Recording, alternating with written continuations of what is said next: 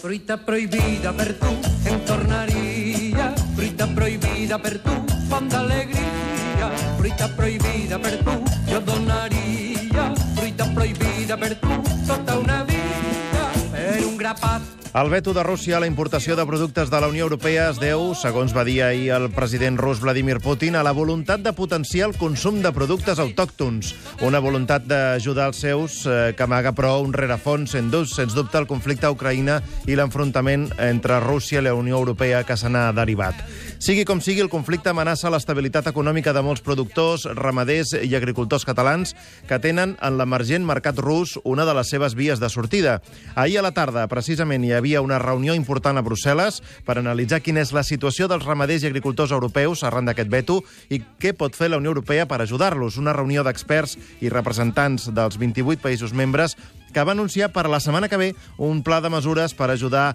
aquests productors a afrontar les possibles pèrdues provocades pel boicot rus. Volem analitzar aquesta situació, especialment l'impacte que té aquest boicot per als pagesos de Catalunya, amb Joan Cavall, que és el coordinador general del sindicat Unió de Pagesos. Molt bon dia, senyor Cavall. Hola, molt bon dia. Aquesta reunió que va haver-hi ahir dels eh, experts de la Comissió Europea van anunciar per la pròxima setmana aquesta acció proporcionada i rendible, textualment, què, què es pot fer, què podríem fer? I, com sempre, anem tard, no? Bé, anem tard i en aquest sector havia dit abans que sorgís el tema del veto rus, doncs que, bueno, que estàvem en una campanya difícil, sobretot amb el tema de, de fruita de pinyol, no? préssecs i nectarines, que, que, bueno, que és un producte doncs, que dura els dies que dura, és un producte doncs, que al cap d'un temps es fa, es fa malbé, per tant, doncs, es té que actuar quan s'està collint i quan eh, els mercats doncs, eh, són els que tenen que acabar consumint aquesta fruita i després del veto rus, doncs, bueno, aquesta setmana sembla que apareix tothom. La setmana passada doncs, no teníem el comissari desaparegut, la ministra desapareguda, tothom estava de vacances. Dilluns, doncs, bueno, fa un primer comunicat, diu que ja proposarà mesures, eh, que dijous hi haurà una reunió, dijous arriba, eh, segons les seves pròpies declaracions, no? amb la declaració escrita, escrita de, de després de la reunió, doncs, bueno, té dos missatges, un de, de que la pròxima setmana, o sigui, ja esperarem una altra setmana, doncs presentarà, sembla ser, al Col·legi de Comissaris doncs, la proposta per tirar endavant doncs, l'estabilització del mercat majoritàriament doncs, del sector de fruites doncs, que es poden fer malbé, i, i anem passant els dies i no, no prenguem. I la segona, que encara en aquest cas no sé si és que pren el pèl a tothom o es tracta d'imbècils, que és que, ens, en segon lugar, no? textualment, diu que aquesta situació excepcional que ens enfrontem doncs, eh, bueno, requereix una, una mesura ràpida i més gran doncs, a les dades de mercat. A veure, qualsevol ciutadà, si té accés a internet, pot mirar doncs, com estan evolucionant setmanalment i quasi diàriament doncs, el, els preus doncs, a Mercabarna i a qualsevol dels mercats doncs, de referència a nivell europeu de qualsevol estats i sabem setmanalment doncs, com acaba anant. I dir que ara crearem una fons de dades i que setmanalment doncs, ho estudiarem, bueno, no sé, potser és allò que diuen a Castella, no? que si no quieres encontrar una solució, creemos una comissió, i sembla ser doncs, que anem per aquí, no? cada setmana ens reunirem i mirarem a veure què. Nosaltres, a veure, aquí hi ha després de l'última reforma de la política agrària comuna presentada per aquest propi comissari dient i l'argument d'aquesta reforma era com que Europa té uns mecanismes molt lents, en farem uns de més àgils i volem respostes per tots els sectors. Si hi ha un sector que té una greu crisi o una pertorbació anormal doncs, del seu mercat, doncs hi ha uns mecanismes i uns pressupostos doncs, que s'activaran i això doncs, diu, escolti'm, si hi ha 3-4 setmanes seguides, i això s'ha demostrat doncs, que hi acabava siguent amb aquests sectors, doncs hi ha aquest pressupost doncs, que es té que habilitar per posar sobre la taula perquè no s'acabi ensorrar aquest sector. Si esperem un parell o tres de setmanes més, vull dir, que no caldrà actuar ja amb aquest sector de les preses i les nectarines. Per què? Perquè és que haurem passat la campanya i la gent doncs, bueno, tindrà els resultats doncs, quan li toqui cobrar doncs d'aquí molts dies doncs, campanya desastrosa i doncs, els nostres representants doncs, mirat doncs, de, de molt lluny perquè estàvem en vacances i perquè som incapaços de fer funcionar els mecanismes. Jo vull no pensar doncs, de què passarà els propers mesos, doncs, quan hem vist doncs, a altres comunitats de l'Estat doncs, que estan preparant no? què passarà amb els cítrics a la campanya que ve, què presentarà amb la nova campanya d'Hort a Múrcia, doncs ja veiem els eurodiputats d'allà que es reuneixen amb els, amb els pagesos i en aquí veiem doncs, bueno, que, esclar, escolta, si no som mal pensats, però bueno, sembla ser que com que de moment a qui li apreta més el cinturó en aquests moments doncs, són a la pagesia catalana, doncs bueno, ja ens ho farem. I el comissari, doncs, bueno, no sé si és que està ja fent les maletes perquè sembla ser que poder no continuarà, i ni a la comissió que encara hi és, que està a punt de sortir, doncs és prou... eh, Bueno, actua prou ràpida, ni el nou president veiem que hagi dit res, no? perquè el senyor Juncker ja està escollit com a nou president i té, tindria que dir alguna cosa i dir, escolti'm, quan tenim un problema el tenim que solucionar, perquè a veure, és veritat que és una, un conjunt, una institució molt gran de 28 estats que prenen declaracions i que tenen que prendre els seus mecanismes, però clar, si veiem que hi ha un problema, que som incapaços de, de tirar l'endavant, doncs eh, quan, bueno, si tampoc no volem pensar malament, si fos un altre sector, doncs què hagués passat? I l'altre és perquè sempre s'actua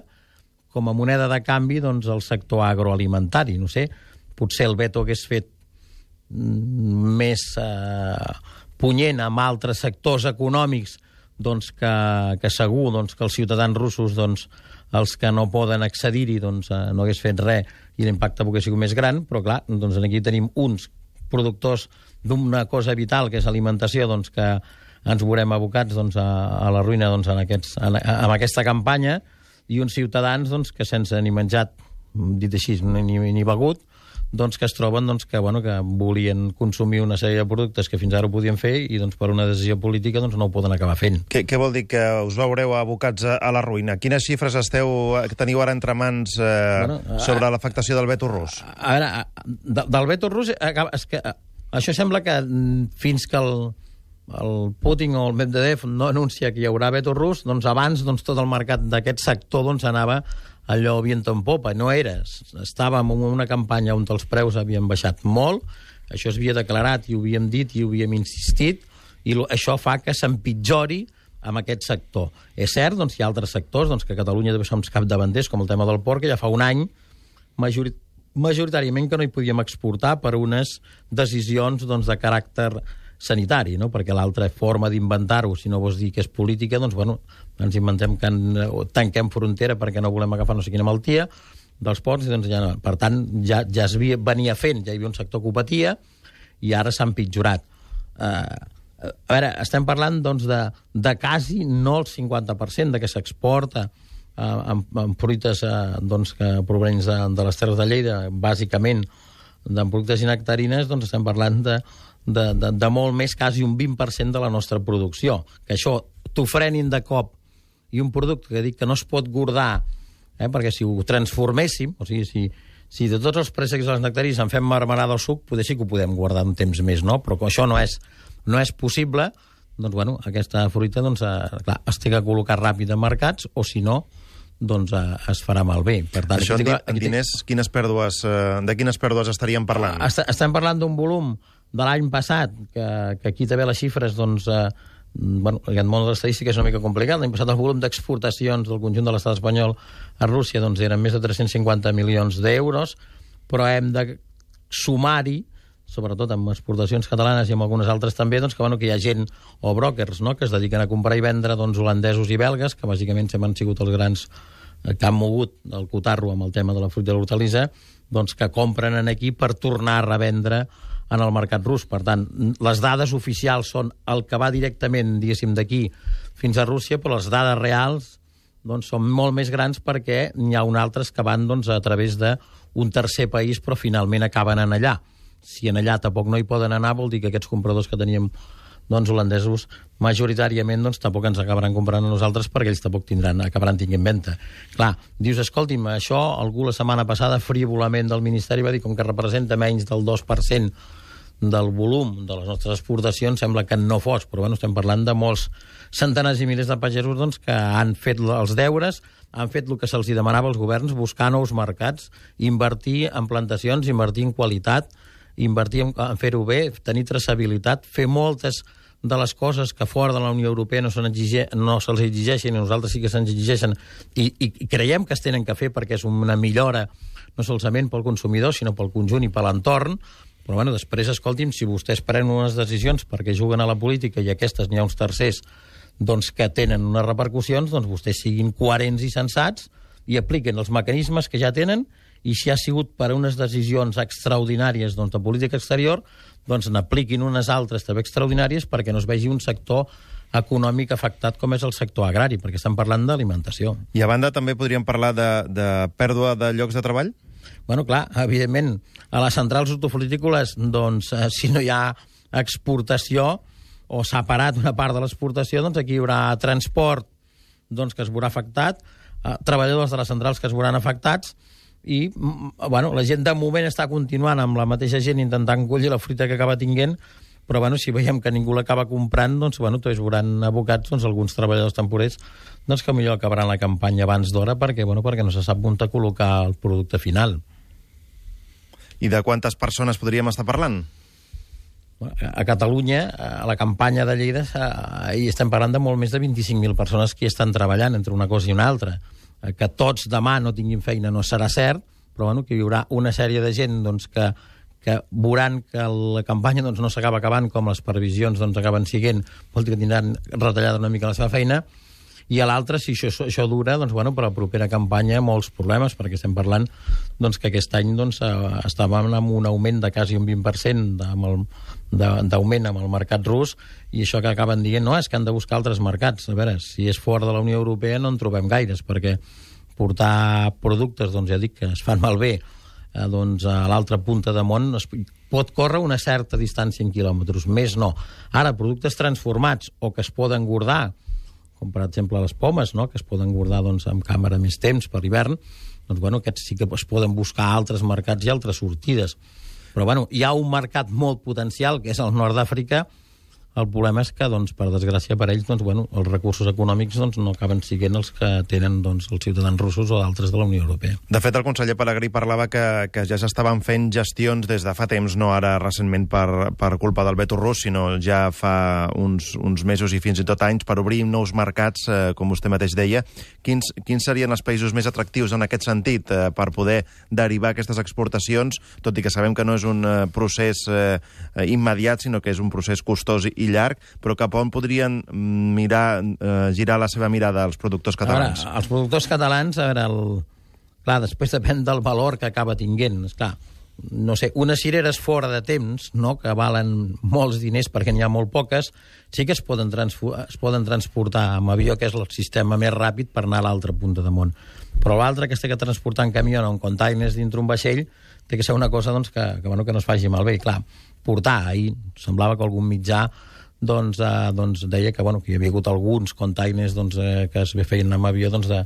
de pressió nectarina doncs, cap al sud-est asiàtic. Però bueno, ja dic, és per mercats molt limitats i en volum molt petit, perquè en volums molt grossos doncs el cost de transport es menja el que acabarà valient allò, perquè no estem parlant de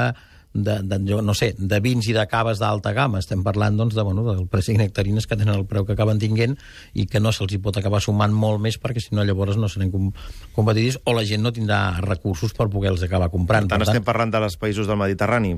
Països del Mediterrani, eh, països de la Unió Europea, eh, que bàsicament els productors doncs, aquests som eh, els de la Ribera Mediterrània, no? que en aquest cas Catalunya com a major zona productora d'Europa, la resta de l'Estat, França, Itàlia i Grècia, bàsicament són els productors doncs, d'aquest doncs, tipus de, de productes perquè la nostra climatologia ho acaba permetent i bueno, hem d'intentar doncs, bueno, que hi hagi uns esforços, jo, jo diria que potser els esforços tenen que ser més en promocionar el consum dintre el propi territori i dintre la pròpia Unió Europea, perquè països nòrdics d'Europa i del centre Europa doncs, puguin acabar consumint doncs, una part més important d'aquestes, a intentar doncs, bueno, si això, doncs, aquesta declaració política, doncs, la política exterior doncs, troba una solució que, bueno, que hem vist doncs, que de moment doncs, bueno, que hi ha acció i reacció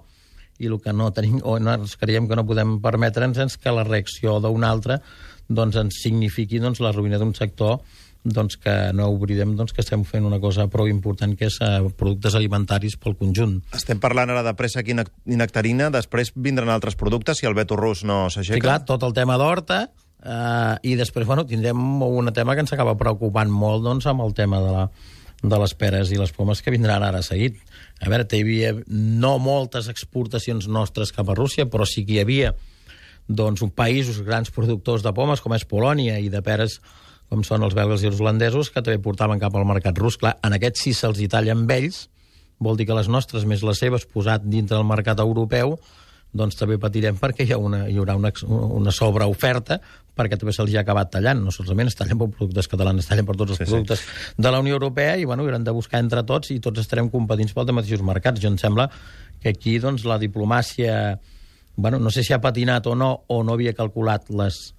les conseqüències, però em sembla que bueno, jugar amb foc normalment la gent s'acaba cremant. I est estem disposats, per exemple, a arribar als eh, tribunals europeus per... Bueno, per... això, això és l'altre. Nosaltres creiem que aquí el comissari no ha actuat eh, a temps i no ha reaccionat a temps. Té mecanismes per acabar-ho fent i per això els va acabar posant. I en altres sectors eh, agroalimentaris doncs s'ha actuat molt més ràpid perquè hi ha interessos de països més entre cometes, perquè també es diu que Espanya és un país potent, doncs més potents que nosaltres, com quan hi ha hagut crisi de la llet, doncs bueno, la cancellera Merkel va dir que es tenia que fer una reforma i es va fer, i en aquí veiem doncs, bueno, el president espanyol que sembla que li està donant doncs, molt poca importància amb això.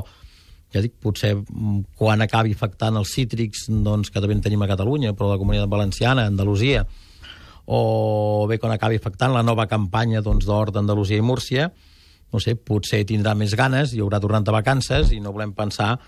doncs, que el tema identitari doncs, eh, s'hi barregi, perquè llavors ja seria molt nefast per l'agricultura catalana. Tenim a l'horitzó aquesta convocatòria de reunió extraordinària de ministres d'Agricultura de la Unió. Serà el 5 de setembre. Veurem si aleshores doncs, eh, potser ja han fet tard, no?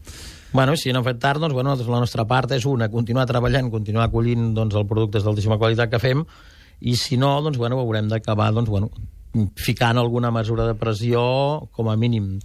perquè la gent sigui conscient i a veure si els ciutadans i els mitjans doncs, acabem fent entendre que els polítics tenen que prendre decisions, però quan, quan són necessàries, no tard, que per això hi acaben siguent i tenen que ser servidors públics, en aquest cas, doncs, immediats, si no pas, mm, bueno, si la gent doncs, és un servidor públic i hi ha problemes, doncs, si estàs de vacances, doncs, igual que nosaltres, el dia que plou o pedrega, doncs, ens aguantem i intentem això plogant I ells, doncs, tenien que intentar actuant, que veiem que hi ha hagut, una, de moment, una deixadesa i un deixar passar que creiem que és immerescut pels ciutadans doncs, que hem acabat dipositant i pensant doncs, que els que ens representen doncs, eren els més adequats i per ara estem veient que no són. Joan Cavall, coordinador general de Unió de Pagesos, moltes gràcies. eh, Molt bon dia. Moltes gràcies a vosaltres.